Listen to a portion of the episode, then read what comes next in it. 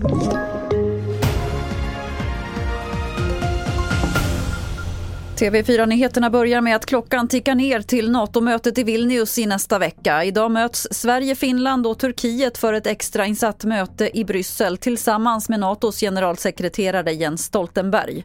Och igår kväll träffade statsminister Ulf Kristersson USAs president Joe Biden. Mötet handlade förstås om Sveriges medlemskap i NATO. Kristersson var nöjd med mötet men inget är klart för Sveriges del. Thomas Kvarnkullen rapporterar från Washington. Ja, det här var ju inte ett möte eller samtal som eh, skulle leda till att man fattade några beslut eh, på något eh, sätt. Det kom egentligen inga uppgifter heller eh, efteråt när vi mötte statsministern Ulf eh, Kristersson eh, som tydde på att något av det som kommit fram under, under mötet eh, eh visar att eh, Sverige är närmare ett genombrott på något sätt. Istället var ju det här ett möte, ett besök och en inbjudan från USA med ett väldigt tydligt syfte syfte skulle jag säga, nämligen att visa eh, hur viktigt man ser från USAs sida och här i Washington att eh, den här processen nu tas i mål och att Sverige kan bli eh, godkända.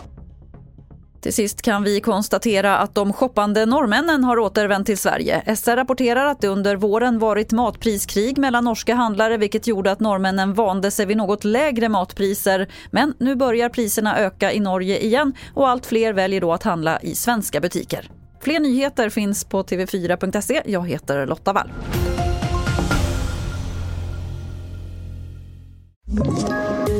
Poddtips från Podplay. I podden Något Kaiko garanterar östgötarna Brutti och jag, Davva, dig en stor dos skratt. Där följer jag pladask för köttätandet igen. Man är lite som en jävla vampyr. Man har fått lite blodsmak och då måste man ha mer. Udda spaningar, fängslande anekdoter och en och annan arg rant. Jag måste ha mitt kaffe på morgonen för annars är jag ingen trevlig människa. Då är du ingen trevlig människa, punkt. Något Kaiko, hör du på Podplay. Därför är gardinerna.